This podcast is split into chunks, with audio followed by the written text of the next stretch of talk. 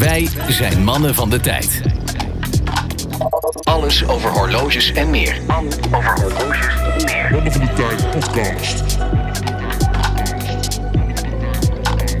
Mannen van de tijd. We komen erin bij het tweede deel van het interview met Bulang Sons. Ja, nou komen we eigenlijk in een heel interessante prijscategorie. Tenminste, waar wij met z'n tweeën achter gekomen zijn. Eigenlijk toen wij dit lijstje gingen maken. Want hierin vonden wij eigenlijk met z'n tweede onder andere de meest interessante modellen in de huidige markt. Oké, en hoeveel Ehm, hebben jullie er hier ieder gekozen? Nou, ik heb er, ik heb er drie gekozen, maar, drie, maar ja, eigenlijk zijn het er zes. Maar ze komen allemaal heel dicht bij elkaar aan de buurt. Dus meer om een soort voorbeeld te geven. Dit kun je eigenlijk nog voor die bedragen vinden. Voornamelijk ook vinden. De prijsklasse was 7000 tot? 7000 tot 15.000 euro. Ja, Oké. dus daar alles tussenin. Eh, en ik zou graag eigenlijk willen beginnen, omdat het natuurlijk, ja, wij staan eigenlijk bekend om onze vintage horloges. En mijn vader is, ja, ik ben grootgebracht met vintage horloges. Mhm. Voornamelijk Submariners, Daytona's. Eh, heb ik eigenlijk mijn hele leven altijd gezien. En ehm, daarom wil ik graag beginnen met een paar vintage, neo-vintage sportmodellen van Rolex. Doen. En ik zou graag willen beginnen met het horloge om jou even aan te raden. Een 1675. En deze kun je gewoon nog vinden onder de 10.000 euro. Ja? Ja, ja, zeker. Ook nog wel witte wijze. Niet naar vanavond. Niet, niet, niet na vanavond meer, nee. Maar eh, ja, nee, de, de, de 1675, ik heb het net al even een kort beetje uitgelegd. Dat was voor mij altijd een grail horloge. Ik vond het altijd zo'n clean, clean uitstraling met die, met die stalen bezel. En het, het, het heeft gewoon een soort Tonsutor-achtige uitstraling. Mhm. Prachtig model. Het lijkt een beetje op een GMT met die extra hand. En voor mij was dit altijd een van de mooiste sportmodellen. Altijd super lang ondergewaardeerd geweest. Maar dit is echt een horloge wat ik eh, iedereen die voor een sportmodel wil gaan, zou aanraden. Het, is, het voelt toch wat moderner door het saffierglas. Maar het heeft echt nog dat klassieke karakter van de sportmodellen. Echt die toolwatch vibe met die lug holes. Niet de maxi-kast. Mooie oysterband. Het is gewoon klassiek sport Rolex. Maar net in een ander jasje dan een GMT of een Sub. En ehm, ja, ik kan alleen iedereen aanraden die, die een sport Rolex wil rond deze bedragen. Ga je gewoon voor, want dit is, dit is Ja. perfectie. Cool. Ja, altijd een beetje het horloge wat toch een beetje achter de sub aan heeft gehobbeld. Ja, echt serieus. Ja. En eh, ja, prachtig, prachtig en uniek. En zoals, eh, zoals Fred het graag zegt, toch een beetje quirky altijd. Hè? Die, eh, de unusual 2. suspect. Ja, Ja, precies. ja, precies, serieus. Precies. echt, eh, hij, heeft, hij deelt de kenmerken met de sub. Natuurlijk ook met de kast die lekker hoekig is. Ja. Eh, de, natuurlijk de bezel wel, maar deze is dan niet draaibaar. Maar ik vind hem wel vet.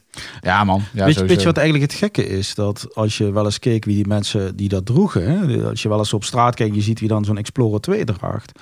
Je ziet vaak dat een submarine of dit soort dingen meer de horlogeliefhebbers, hè, mensen die wat dieper in de materie zijn. Maar heel veel mensen die ik ontmoette die een Explorer 2 hebben, die gewoon naar een dealer zijn gegaan, ik wil een Rolex. En gewoon dit mooi vonden. Dus die niet zozeer de echte, weet je wel, de nerds zijn. Echt van, ik moet dit van Rolex op die manier hebben. Die helemaal niet weten. Eh, er zijn natuurlijk, wij, wij kijken heel anders naar horloges. Maar er zijn gewoon mensen die lopen ergens bij een dealer naar binnen. En zeggen gewoon, ja, ik wil gewoon een Rolex. En die vind ik mooi en die koop ik. En dan zie je heel vaak met een Explorer 2 rondlopen. Dus dat is het gekke. Dus wij vinden het Ja. een soort van corky of gek. Maar volgens mij is het toch best wel een populair model geweest. Bij gewoon de brede markt. Cool. Ja, en wat ik heel interessant vind aan deze specifieke referentie, ik zei het net ook al tegen jullie, de voorganger de 16550, je kent ook iedereen wel. Ik vind zelf de 1675 interessanter, zeker met de witte wijzerplaat, omdat hij die gelakte uurmarkeringen in het zwart heeft en Ja, eh, wijzers. ja, Geeft dan net even een ander effect aan. En deze referentie is redelijk ge- lang geproduceerd, nog in het tritium tijdperk, Swiss only, Swiss made. En zelfs later nog met de rehoud en no look case. Dus voor iedereen die iets in deze jaren van Rolex interessant vindt, of het nou echt eindjaren 2000, ja, 2009, 2008, 2010, rond die jaren of begin jaren 2000, nog jaren 90. Je kunt in deze jaren kun je gewoon een, een 1675 vinden die naar jouw smaak is. En wat het interessante natuurlijk is, is kijk, als je naar vintage horloges kijkt, hebben ze vaak een plexiglas. En vaak krijgen we de vraag, kan ik hem wel dagelijks dragen? Hè, de- Ja. Mensen zijn bang, als het plexi is, als het krast. Nou ja, wij hebben natuurlijk onderhand over de jaren de ervaring dat je bij wijze van spreken met een beetje tandpasta en een wattenpet. eh, Ja. Ik heb mijn spreuk, hè. Is het plexi, is het sexy? ja, absoluut. Ja, de warmte die erin zit. Maar ja, kleine krasjes, die polijs je er zo uit en je gaat door en dan klaar. Weet je wel. En, en, in het ergste geval zet je er een nieuw, laat je er een nieuw Ja. glaasje zetten. Dat is ook niet zo... Dat is ook niet de prijs. Bij Safire is dat, als het echt wat mee gebeurt, is een lastiger verhaal. Maar veel mensen hebben het gevoel, en eh, vandaar ook misschien die referentie wat toegankelijker is voor een nieuwe Ja. generatie. Die zegt, hé, hey, maar ik wil het elke dag dragen. Ik wil me niet druk over dat soort dingen maken. Met het Safire glas maakt het dat ook wat, wat, wat, ja, wat robuuster, wat toegankelijker. Heeft wel ook als gevolgen dat dat soort horloges net wat zwaarder zijn dan de, dan de Plexi modellen eigenlijk. Mm, dat zie je ja. bij de Datejust, zowel Ja, als ja, bij dit wel. soort Explorers, Submariners en dat soort dingen. Maar mannen, we hebben nog veel te bespreken. Ja, Laten we door naar de volgende. Ja, en ik had nog even een kleine side note na de 16570. Je hebt natuurlijk nog de 1460 referentie 1610. Daar ga jij zo nog wat over Ja. zeggen. Maar ook de referentie 16600 Sea Dweller is nog een heel erg ondergewaardeerd. Nice Ja. model. Die is ook al besproken met eh, Ja. Pieter van, Ja. eh, van Liguren. Dus ga die aflevering ook even kijken. Daar wordt die ook nog wat verder in uitgelegd. En voor mij de referentie 1680 blijft altijd wel echt een klassieker. Ja. Ik, eh, ik, ik wil het eigenlijk over een andere boek gooien. Uh, Berend brengt wat, wat, wat Rolexen aan. Eh, eh, ik ik, ik ja, kom uit het verzamelen van Rolexen in het verleden. En eigenlijk de afgelopen jaren merk ik dat ik steeds meer kijk naar heel andere modellen, heel andere type horloges. Een beetje sleepers. Daar waar iedereen nu naar de, naar de AP's of dat soort dingen gaat ben ik eigenlijk een beetje op zoek naar wat kan ik nog vinden wat mij zelf verrast. Waar ik misschien twee jaar geleden nooit naar had gekeken of drie jaar geleden. Maar als je er nou eens eerlijk en open naar kijkt, denkt van potverdikke, maar dat zijn toffe horloges. Heel veel horloges voor het geld en ook nog een beetje sleepers in de huidige tijd. Waar je zegt, ja, dit Mhm. verrast mij. Nou ja, ik heb... Dit wordt ik heb- interessant. eh, ik heb, ook Ja, iets mee, los. ik heb ook iets meegebracht, eh, hè, wat jullie ook eens kunnen zien. En het grappige was dat jouw eerste reactie ook was, wow, wat een vet horloge. Eh, dat, dat zijn nu nog horloges onder de 10.000 euro. Heb ik een eh Breguet meegebracht met Moonface. Weet je, echt een klassiek horloge. En een, en een AP, een dual time.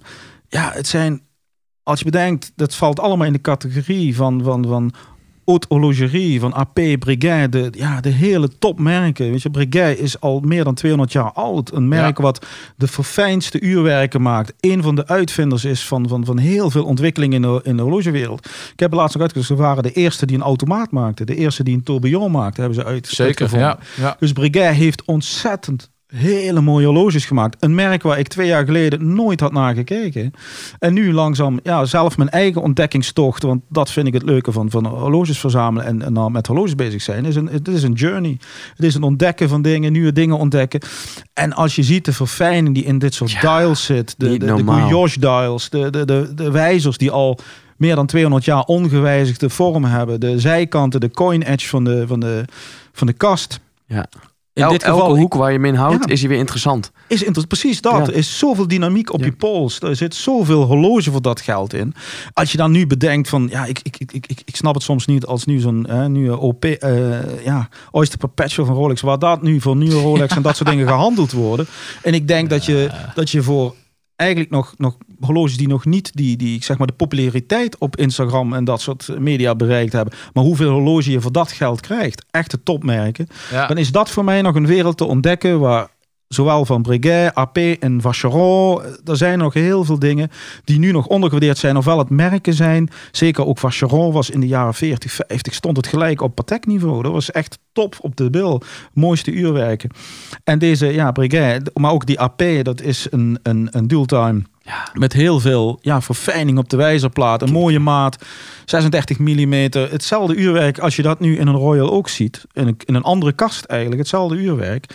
Met dezelfde eh, complicaties. Dan praat je bijna voor 40.000 euro. ja, en dit is toch gewoon een volgehouden kast, Ja, hè? dat is een volgehouden kast. Ja, want Echt dat- een serieus, serieus Ja. horloge. Wat ik nou wel de uitdaging vind, want dat vind ik het interessante van dit soort horloges in die klasse, is als je, hè, als je ze zo ziet liggen en je zou dat in eerste instantie zeggen, zeg je, ja, dat zijn een beetje ouderwetse horloges, heel burgerlijk bijna, deftig. Hè. Nou ja, je ziet de mensen al voor in een pak en hè, de oude bankieren of dat soort dingen. Wat ik nou juist de uitdaging vind, is om ze op een heel andere manier te dragen. Je ziet, Ja. wij hebben een van onze bandjes eraan gedaan om andere banden weg van het krokodillenleren bandje, Mhm. simpele, eh, het, het standaard. Maar andere dingen, voor mij pas zelfs een, een, een gebruikte oude band erop te zetten. Ze op een manier te dragen, ook qua kleding, met voor mij wat oude leger, legerjasjes of dat soort dingen. Er een frictie aan toe te geven dat je eigenlijk aan dat echte dresswatch een veel stylischer iets aan toevoegt. Dat Ja. vind ik het toffe wat ik Ja. daarin ontdek. En waar ik denk, ja, daar zit nog heel veel te vinden en te ontdekken in die wereld. Dus hou je ogen open naar dat soort modellen ook. Ja, maar wel cool dat je daar dan ook nog een twist aan wil geven. Ja, in de zin absoluut. van dat je, want dit is inderdaad, kijk, als ik dit zie, denk ik, dit is vet en dit is horlogegeschiedenis en dit is complicatie en dat is, is allemaal prachtig. Eh, maar toch, hè, even gewoon het bandje er niet bij denken. Dan denk Ja. je toch, ja, dat is heel klassiek. Dat, Ja. dat, ja, dat draag je niet zomaar zo snel. Dus het is wel mooi als je daarmee bezig bent. Maar omdat- draag dit op een, eh, met een wit t-shirt en, en een jeans en sneakers eronder. En het is damn cool. Ja. Het Ja, ja, is precies. damn dat is cool. precies Ja, dat. Wij, wij, wij, wij noemen dat vaak een soort van pleasant friction waar we altijd op zoek naar zijn. Dat is voor mij altijd de uitdaging om horloges op een manier te dragen ja, waar ze misschien niet zo eh, ja, voor de hand liggend zijn. Daar iets mee doen. Doe je, dat vind ik een mooi. Doe je, doe je eigen ding ermee. En dat maakt het gewoon veel spannender. Weet je, geef je eigen emotie eraan. Wie zegt dat je zo'n horloge niet op een NATO-bandje kunt dragen? En dan krijg je er een heel ander gevoel door. Dat toen jij net die andere bandje zei, dacht ik, wow, stel je zou dit op een NATO Ja. dragen, hoe lijp is dat? Hoe vet is dat? Of gewoon, je- weet je, dat, dat, dat Ja. is het plezier daarvan. En, en dus, dus een horloge is niet altijd maar alleen een horloge en het cliché wat het in zich houdt. Maar het gaat erom, ja, wat doet het met jezelf? En wat kun jij daarmee doen dat het iets toevoegt aan jouw eigen, aan jouw eigen ik? Ja, super. Ja. Super. Ja. Heel cool. Alright. Wat Ik, geweld. ik, ik moet wel zeggen, Twan, ik had bij Pleasant Friction een andere associatie gezegd. Dan, moet, dan moeten we weer die, die muzieklijst van onze Fred opzetten. Nou wordt het hele zwoele muziek. maar ik vind dat wel mooi. Ik vind dat een mooie term, ja. Pleasant Friction. Maar ja, Ja, hey, als, je, als je daarop doorgaat in die prijsklasse, nou hebben we het even over de wat meer rondere modellen, maar hè, we hadden het net over de Cartiers, eh, de Cartier Santos. Maar in die klei- prijsklasse onder de 15.000 euro is zo'n breed scala aan Cartier horloges. Waar, Mhm. waar echt zo toffe dingen zijn, tijdloze tanks in het goud. Het zijn veelal natuurlijk goud, wit gouden horloges. Hè, dus daar zit ik, ik, ik zit niet minder in de moderne Cartiers, waar je grote modellen nu ook in staal en zoiets hebt, maar met name de klassiekers. Maar ook daar zijn gewoon hele coole, ja, vette horloges die totaal anders zijn. Ik heb zelf, eh, eh, lang heb ik hem nu een jaar, denk ik? Meer? Ik, Anderhalf ja, ja, jaar? vorig jaar. eh, Ja. Een, een, een, een horloge gekocht voor mezelf, wat, voor, wat ik een van de mooiste Cartiers vind. Die ook heel weinig vind. Gezondheid. Heel zeldzaam is. Dus dat, dat is helaas eh, niet voor iedereen mogelijk. Maar het model op zichzelf is de Gondolet. eh, Cartier Gondolet. Een Ja. quirky, echt jaren 70, 60, vormachtig iets. Gekke vorm. Ik heb het geluk gehad om te vinden een, een horizontaal jumbo. Ja. Dus het is Mm. best een groot, echt een groot Vet. model. Voor Cartier is super groot. Heel cool. Op een, op een leren band. En het heeft een horizontale tv-achtige uiterlijk. Ja. Super tof. Maar we krijgen ook nog in die prijsklasse. En heeft gewoon heel veel uitstraling. Super ja, vlak. Zit super op je pols. Maar in die, ja, de Cartier tanks. Veel mensen zeggen wel eens, ja, maar de Cartier tanks zijn altijd wat klein, de vintage van. Ja, Nou, ja. hey, gasten, eh Mohamed Ali droeg zo'n ding. ja, maar dat is precies altijd Ja. mijn argument Ja. ook. Ik laat Ja. altijd die foto zien Ja, Ja, van eh, dat je Ja. Mohammed Ali ziet met zo'n kleine tank. ja. Dan denk ik, ja. God, weet je, als hij mans genoeg was om dat te dragen. Je moet inderdaad mans genoeg zijn om een klein horloge te dragen. Het zijn Ja. super coole horloges. En ook daar geldt weer van. Die ontwerpen zijn 100 jaar oud en, en nog steeds actueel en top. Reduced to the max, dat is echt super cool. En dan zijn er natuurlijk een heleboel gekke vormen in Cartier. Waar je zegt, hey, dit is echt een sieraad om de pols in die prijsklasse. Ja, dat zijn... Dat is, eh, dat is alleen heb, ik heb hem in ja. goud. Dit is wit goud. Dit is super zeldzaam. De verhalen die ik gehoord heb in, in goud, de horizontaal, in, in geel goud, zijn er ongeveer 50, 60 gemaakt. Dit is een, een, een wit gouden. En daar zijn er maar een handvol van gemaakt. Dus dat is Ja, vrij ik- zeldzaam. In horizontaal, in verticaal kun je er meer vinden. Ja, ik laat even een foto zien van, eh, die hadden we toen bij Jasper om. Ja, ja. ja, die heb ik Ja. toen ook gezien. Heel lijp hoor. Heel Ja, lijp. dat is echt een heel lijp, lijp horloge. Dit sluit wel weer aan bij ons, ons eh, motto: Make Cartier Great Again. Exact, exact. Het is, het is echt een supermerk. Ik bedoel, Ja. de uurwerken zijn niet... Hè, je koopt ze niet voor de uurwerken, maar je koopt ze echt voor de esthetiek en het gevoel wat het je op de pols geeft. Dus daar Ja. zit onder die 15.000 euro kun je daar heel veel coole modellen vinden in allerlei maten, uitvoeringen. Dus daar is echt absoluut heel veel te vinden. Ja. Ja. En als we het dan eh, ook nog over gouden horloges hebben, dan heb je natuurlijk niet alleen van Cartier, maar ook van Rolex zijn er nog best veel eh, interessante modellen te vinden. Niet alleen de D-date, maar ook een D-just in goud. Ja. Sowieso een gouden jubileeband is zo sexy. Ja, dat is echt. Ik Ja. vind dat ook, daar heb ik zo'n zwak voor. En Ja, wat zeker. ik altijd een prachtig model vind van, van Rolex in het gouden is een date op een eh, gouden oysterband. Zo'n riveted gouden oysterband. Dat is voor Een mij date? altijd een date, ja. Oh, die heb ik nog nooit gezien. Nee, nog nooit gezien. Nee. Ja, moet je eens googlen. Ik zie zo een keer foto's door. Die zijn Ja, echt... oh, ja, doe man. eens. Ben Man, ik heel man, benieuwd man. naar. Man. Oké. Oké, maar, maar, eh, eh, eh, maar dat, dan heb je het wel over... ehm, is het dan dezelfde eh, stijl als de date bijvoorbeeld 1500? Dus dan Ja, heb ja, ja, dat is gewoon een 34 mm, gewoon de date, maar dan in, Ja. het, in het goud. Vet. Op een gouden oyster, eh riveted oysterband. Dat zijn echt super sexy horloges. ja. Cool. En, en natuurlijk de klassieker, de D-date onder de 15. Nu vind je ze nog onder de 15 Ja. met de gouden presidentband. Wij vergeten soms, ik had het net over de oude prijsklasses, of de oude prijslijsten waar we hadden. Als je ziet dat je nu een, een, een D-date kunt, een vintage D-date kunt krijgen voor een prijs die lager ligt dan een moderne submarine of zoiets. Maar als je bedenkt toen, toen ze nieuw waren, en hetzelfde als nu eigenlijk, dat een D-date in de jaren 70, 80 ongeveer ja, volgens mij 7, 8 keer de prijs was van een, van een, van een Datejust of een Submarine of zoiets. Het was echt een top, top, top horloge in die prijsklasse. Ja. Maar het is eigenlijk altijd achtergebleven in, in de vintage markt, in de prijsontwikkeling in een bepaalde manier. De 1803, de, de echte klassieke D-date. Omdat heel lang het was, ah ja, de goud draag je niet. Ja, ja. Hè, Je wilde niet gezien worden met goud. Gelukkig de laatste jaren zie je dit steeds meer en meer. Je ziet veel goud opkomen. Mensen dragen het meer, durven het ook meer te dragen. Eh, maar ja, het is zo verfijnd. Echt de oyster case en dan de, de, de president band. Er zit zoveel detaillering en zoiets aan. Het is zo'n stijl. En tegelijkertijd geeft het je ook meteen het gevoel. Laten we ook eerlijk wezen. Als je een deed dit om hebt, eh, daar zit iets van een belangrijks in. Hè. Het, heet Ja, niet voor niks, ja, het heet niet voor niks een president. Ja, ja, exact. Als je, als je oude foto's kijkt en je zoekt naar 1803 D-Day, dan zie je de, de Martin Luther Kings tot, weet ik voor allemaal, de presidenten, de beroemde mensen ter wereld.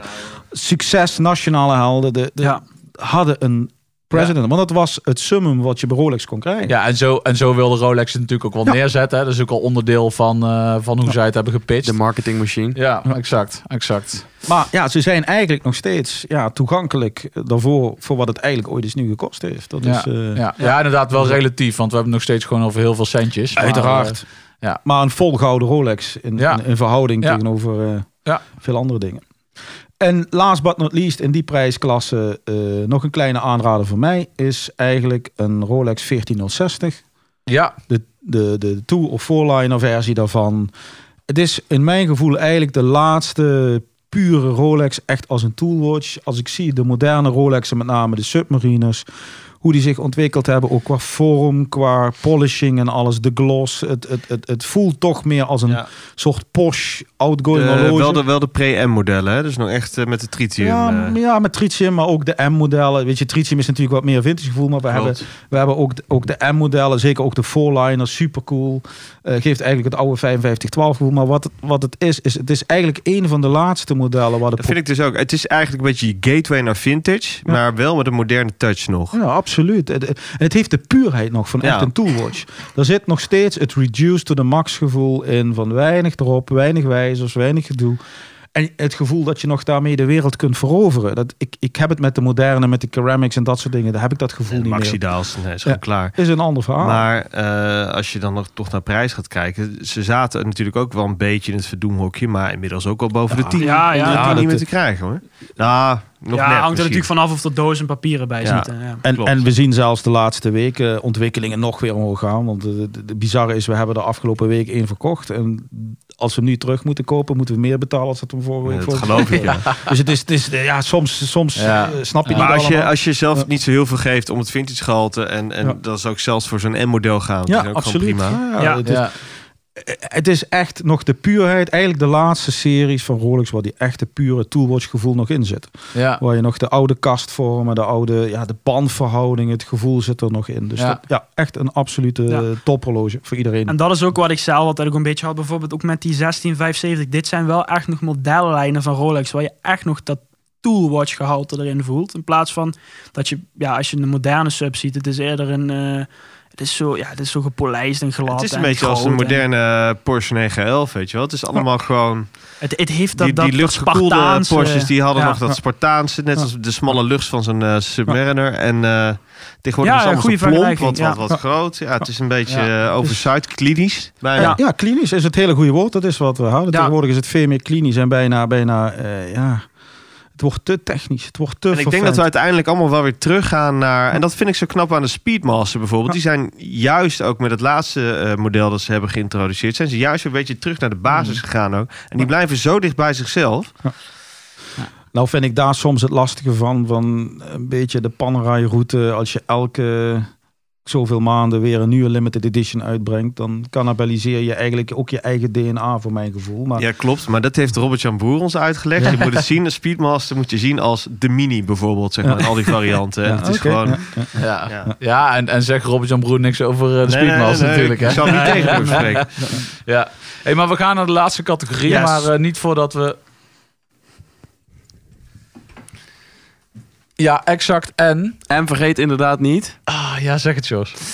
eh, eventjes een, eh, ons te reten, zeg maar. In, eh, in, in de Apple podcast, Podcast. Apple Podcast kun je ons een aantal sterren geven. Het kost je echt twee seconden. Je zit nou toch te luisteren, dus doe dat ondertussen eventjes. En daar help je ons ontzettend mee, Ja, of die- plaat een review of een reactie. als hij goed is. En eh, dan, eh, dan help je ons ontzettend met de algoritmes om eh, verder naar boven te komen. Ja, Ja, en sowieso, Doen, man. Even toch ook gefeliciteerd naar jullie hoeveel eh podcasts jullie al hebben opgenomen. man. Ja, dankjewel. Super tof om te zien. Dankjewel. Ja. Ja. Gaan ze allemaal even luisteren. Kijk, en er ontstaat nu een mega gat natuurlijk omdat Joe Rogan nou gecanceld is. dus eh, dat gat springen wij natuurlijk in. Dat snap je natuurlijk wel, hè? ja. Ja, dan kan ik eh, weer eens even een bot doen op zijn op zijn Polar. Laatste categorie, heren. Ja, boven de 15, onder de 25. Dat wordt, eh, ja, het is het. Is het eh, je schrikt soms van de bedragen. Maar ja, Ja. ook daarvoor. Eh, het gekke genoeg is, het is daar waar bij ons het meeste interesse is ook in die categorie. Dus blijkbaar is dat toch ook een grote vraag voor mensen om horloges in die prijsklasse te We, zoeken. we hebben het hier gewoon over een modaal salaris, hè? Ik bedoel, Ja, eh, ik weet het. Ja, ik weet het. het. Je schrikt daar zelfs soms van. ja. Ja, nou, ik heb al natuurlijk in het begin even wat verteld over de Royal Oak. Dat ik dat in staalgoud zo'n prachtig horloge vind. Dus dat is sowieso vanuit mijn kant een aanrader voor mensen om te gaan. Het is eigenlijk nog een van de laatste Royal Oaks die een beetje toegankelijk is.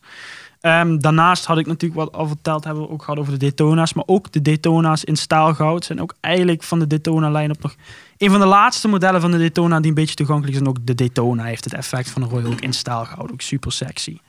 Dus dat zijn voor mij echt twee eh, ja, klassiekers die, die ik alleen maar kan aanraden. En ook in het staalgoud. Het is echt totaal niet ondergewaardeerd in mijn optiek. En het grappige is natuurlijk dat een, een, een staalgouden Daytona bij de, bij de dealer eigenlijk een stuk duurder is dan een stalen ja. Daytona. En, Ja. in de, en in de gebruikte markt en in de vintage markt eigenlijk goedkoper is. Ja. Ja, dat is wel heel gek. Bizar, hè? Ja. Ja, dus in, in, in nieuw is het een premium, maar in gebruikt is het, maakte het een stuk toegankelijker. Maar het is een heel rijk en heel, heel- ja, blijft hetzelfde klassieke tophorloge. Ja, en bij mij is het eh, ehm, misschien wel het horloge waar ik het meest mee verbonden ben. En dat is de Rolex 5513 Submariner. Ja. De echte klassieker. Ja, ontstaan in begin jaren 60, voortgekomen uit eh, ja, de begin, begin jaren 50, toen Rolex de Submariner op de markt bracht. Eh, in volgende referenties in Gill Dials, eh, experimenteerde. Big crowns, small crowns. dat zijn dan echt typische vintage eh, begrippen. Horloges die in de huidige tijd totaal niet meer in deze markt zijn. Een Big Crown is ja, voor een echte mooie praatje onderhand al over drie ton. Ja. Maar datzelfde DNA wat in die Big Crowns en al die jaren 50 ontwikkelde horloges zijn. En daar vergeet je niet, een Submariner is eigenlijk echt een professioneel horloge ontwikkeld. Het is ontwikkeld in de jaren 50 voor avontuurlijke mensen die het echt nodig hadden. Voor militair, voor, voor duikers. Hè? Mensen als Jacques Cousteau die het duiken eigenlijk in de wereld gebracht hebben. Door duikers gebruikt. Ik, ik, ik heb het geluk gehad in het verleden ook ehm 55 13's te, te mogen hebben die specifiek waren voor echt de toolwatches voor Comex, voor de duikers die soms eh, ja, niet met de 5513, maar ook later met de Sea Dwellers op honderden meter dieptes aan oliepijpleidingen hebben gewerkt. Ja. En als je dat bedenkt, dat is een horloge dat is ontwikkeld in een tijd dat eigenlijk het ja, met, met, met, met duikflessen duiken was nog helemaal in het begin. Dus mensen gingen, eh, zeker de Comex Dus. Eén op de tien duikers die naar beneden ging, kwam niet meer omhoog. Dus het waren heel andere. Je moet je eens voorstellen wat, wat die horloges een DNA hebben. Ja. In welke tijd ze ontwikkeld zijn. Wat voor mensen ze droegen. Het Die waren dan echt astronauten van de zee. Hoor. astronauten van de zee, absoluut. Ja, die dus, eh, maar ook eigenlijk alles hebben ontwikkeld waar wij nu van genieten. Hè. Het internet, de kabels aanleggen naar Amerika op de zeebodem, de olieplatforms. Eigenlijk alles, de luxe en, de, en, de, en het economische leven waar wij nu nog mee van profiteren, is mede in, door die Ja. mensen ontwikkeld. Dus dat is een heel ander besef. Ik heb van, Ongelooflijk. van commando's horloges gehad. Als je hoort die verhalen wat zij met die horloges gedaan hebben, dan krijg je pas echt het respect voor dat soort horloges. En Rolex als merk. En wat zo'n horloge allemaal kan, wat wij deskjockeys nooit in ons leven ooit met zo'n horloge zullen gaan doen. En Nee. Nee. wat het nooit met ons hoeft te verduren. Maar dat zit allemaal in dat ene horloge, de 5513 Submariner. Het is, en dat is misschien het, het, het allertofste, net als de 911 waar we het net over hadden. Ehm, veel van de Eames meubels, dat soort dingen, zijn in de jaren 50 ontworpen. Eind jaren 40, begin jaren 50. En nog steeds eigenlijk net zo actueel als je ze, hè, Ja. een Eames meubel of een mooie 911 ergens neerzet. Voelt het nog altijd als iets van deze tijd. Nog steeds Ja. dat design is tijdloos. En dat zit ook in een 5513.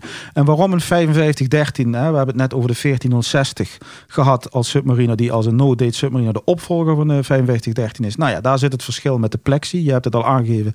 Plexi is sexy, maar bij een submariner is dat nog toffer, want dat is echt een superdoomd Mm, hebben. ja, ja. En dan krijgt een horloge een heel ander op je pols.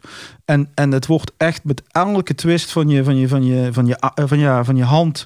Elke keer als je er naar kijkt, komen nieuwe hoeken. Daar komen vertekeningen. Het, het- de superdoomed eh, glaasjes brengen vertekeningen in de indexen. ja. Ja, waardoor het horloge nooit saai is. Elke keer als je het weer met ander licht, met andere ja, invalshoeken ziet, verandert er iets. Dus ik heb zo vaak bij dit soort horloges gehad dat ik het om de pols had en tien keer op een dag naar mijn horloge keek en nooit wist hoe laat het was. Gewoon puur omdat je keek Ja. naar de esthetiek en, de, en de lijnen. Dat is. En ehm, onze voorkeur hebben de Maxi Dials ook in de 5513. Ja. Dat zit dan inderdaad boven die 15.000 euro. Je kunt nog mooie 5513 eh net onder de 15 nog wel vinden. Maar de Maxi's en de bijzondere 5513 zitten er toch helaas al boven. Ja. En ja, dan krijg je de look. En ik heb er net eentje meegebracht. Is een Pre-Comex. Een vrij zeldzame wijzerplaat. Grappig is, hij heet Pre-Comex. Maar is dezelfde wijzerplaat qua typografie in details dan mijn 5513 Comex ook had. En 5514 Comex ook veel hebben. Maar deze heeft een ghost bezel. Dus dat betekent, er was ooit een zwarte inlay. Hè, het is maar een aluminium plaatje.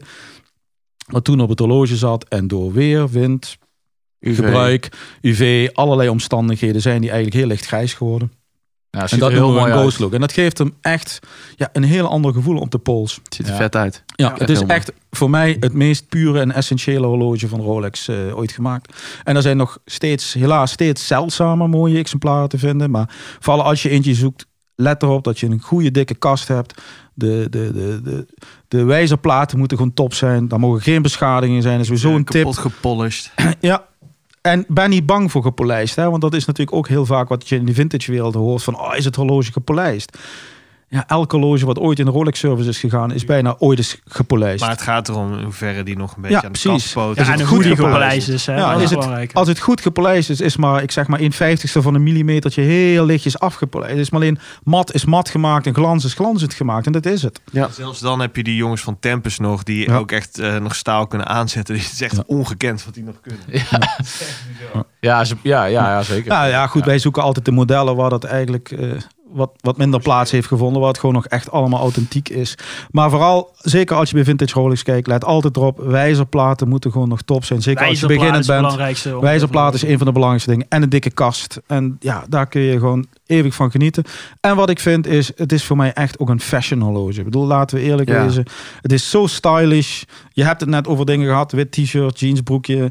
Ja, een submarine om. Voilà. En je bent als man klaar. Meer Ja. is het niet. Bedoel, Ja. je, wij hebben al die andere dingen niet nodig. Eén mooi horloge en zeker een mooie 5513 die een beetje los aan je pols zit. Ja, en je smilt. Ja, dit is een mooie hoor. Ja, ja, ja. Ik, ja, ik, kan niet eens, ik vind het wel mooi, want we hebben het heel deze uitzending nog niet eens over het uurwerk gehad. Volgens mij alleen die Valjoe van de Daytona. maar eh, ja, weet je, dat, is, dat zei je van, voor de uitzending ook al, eh Bernard. Dat, het, het- dat maakt jou niet zoveel uit. Hè? Het gaat gewoon echt om de esthetiek. En ik vind het ook wel mooi, dat eh, heb je volgens mij ook aan je zoon meegegeven. Ja, ja gaaf, weet je wel. Want we- soms zitten we in uitzendingen zitten we hier eh, niets anders dan eh, radertjes en eh, een paar grom hairsprings te bespreken. Kijk, kijk, het interessante is bij Rolex hoef je niet zozeer over het uurwerk te praten. Want ook als je het opendraait, ja, het is gewoon een, het is gewoon een goed uurwerk. Maar sterker nog, Rolex uurwerken zijn als tanks.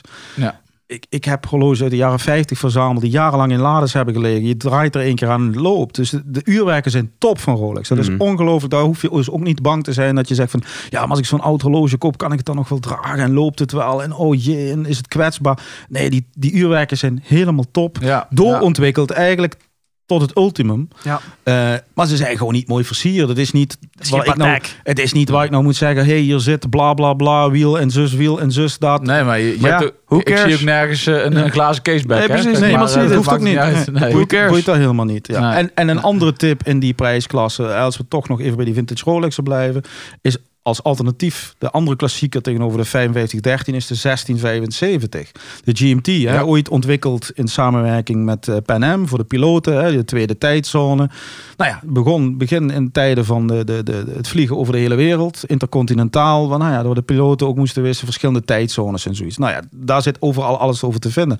Maar wat ik het interessante van de GMT vind, misschien nog wel meer dan een Submariner, is ik heb er zoveel daarvan gehad, maar er is bijna geen één hetzelfde. Het interessante van de GMT is, als je van vintage houdt of van, van Ja. horloges met karakterfout houdt, de GMT was zowel met Pepsi bezel te krijgen eh, in die tijd, als ook met een zwarte bezel. Ja. Maar het mooie is, eh, over de jaren de GMT's, en ik heb het nu meer eh, over de, ik zeg maar, late, late jaren 60 tot in de jaren 80.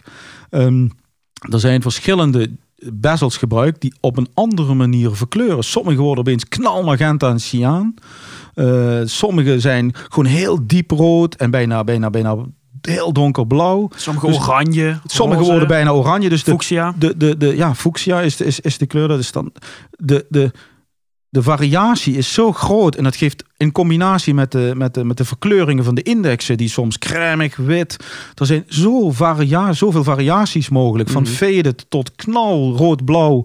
eh, met de witte wijzer indexen, bij wijze van spreken, wijzerplaat indexen, tot heel crèmekleurig met heel vervaagde eh, inlees, dat je eigenlijk continu ook je horloge anders kunt stylen, het gevoel kunt geven, Ja, ja. en er geen GMT bijna hetzelfde is. En dat maakt het wel heel bijzonder. Is volgens mij een van de meest veelzijdige referenties binnen, Ja. binnen het Rolex spectrum qua looks en qua gevoel, met andere banden, Jubilee-band tegenover Oysterband, eh, dat soort dingen. Waar je echt zegt, ja, dat is een absoluut tophorloge. Ja, zeker. zeker. Hey, wat, wat wilde jij nog zeggen, eh, Berend? Want je wil hier nog eens op toevoegen. Ehm, ja, ja dat, dat was eigenlijk ook, eh, daar ben ik het volledig mee eens. Ik denk dat een GMT, als je één GMT hebt met al een paar bezels, dan heb je eigenlijk al drie horloges in één bij wijze van spreken. Ja, ja, ja. Je kunt daar heel van afwisselen. Ja. Ja. Cool. Hebben jullie nog iets om dit eh, af te toppen? Of eh, zeg je... dit- ja, je hebt, ik heb bijvoorbeeld een Patek meegenomen, een annual calendar referentie 5035. Dat is een heel interessant horloge, omdat het een gecompliceerde Patek is die nog in deze prijsklasse is. Dus als je in bent voor Pateks, dan krijg je met deze, ja, dit horloge kun je daar heel veel kanten mee op. Heel mooi gemaakt, prachtig design, mooie dikke kast, 37 mm, fantastisch prachtig horloge. En ook met Calatrava's kun je bij Patek. In deze prijsklasse Ja. nog heel interessante Ja, kaarten. Trava, ja, zo Ja. cool. Absoluut. Of met D-dates, hè, wit-gouden D-dates, roze-gouden D-dates. is denk ik een van de mooiste ook horloges in die prijsklasse. Waar je zegt, het is een absoluut eh, ander, understatement eigenlijk. Een wit-gouden D-date. Eh, je voelt dan alles aan het gewicht, het aan de band, de president band, dat het goud, dat het zwaar, dat het waardig is. Maar als je daarmee over straat loopt, ziet niemand van afstand meteen dat je met een D-date loopt. Dus dat is voor Ja. mij wel echt, of een roze gouden D-date. Het zijn net even de variaties die boven die 15.000 euro uitgaan. Maar wel absoluut, eh, ja, ook Ja. zeldzaam mooi te vinden. Want van roze gouden volgens mij maar 1 op de 100 of 1 op de 1000 D-dates is in roze goud gemaakt. Dus het is een stuk zeldzamer.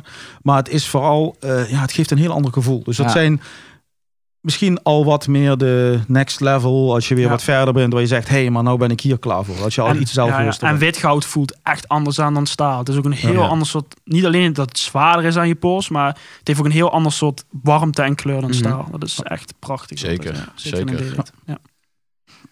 Ik Ja. heb eh, weer veel huiswerk Zo, gekregen in deze aflevering. Ja, hoop- en hoe ga je dit op Instagram zetten, vriend? nou ja, ja.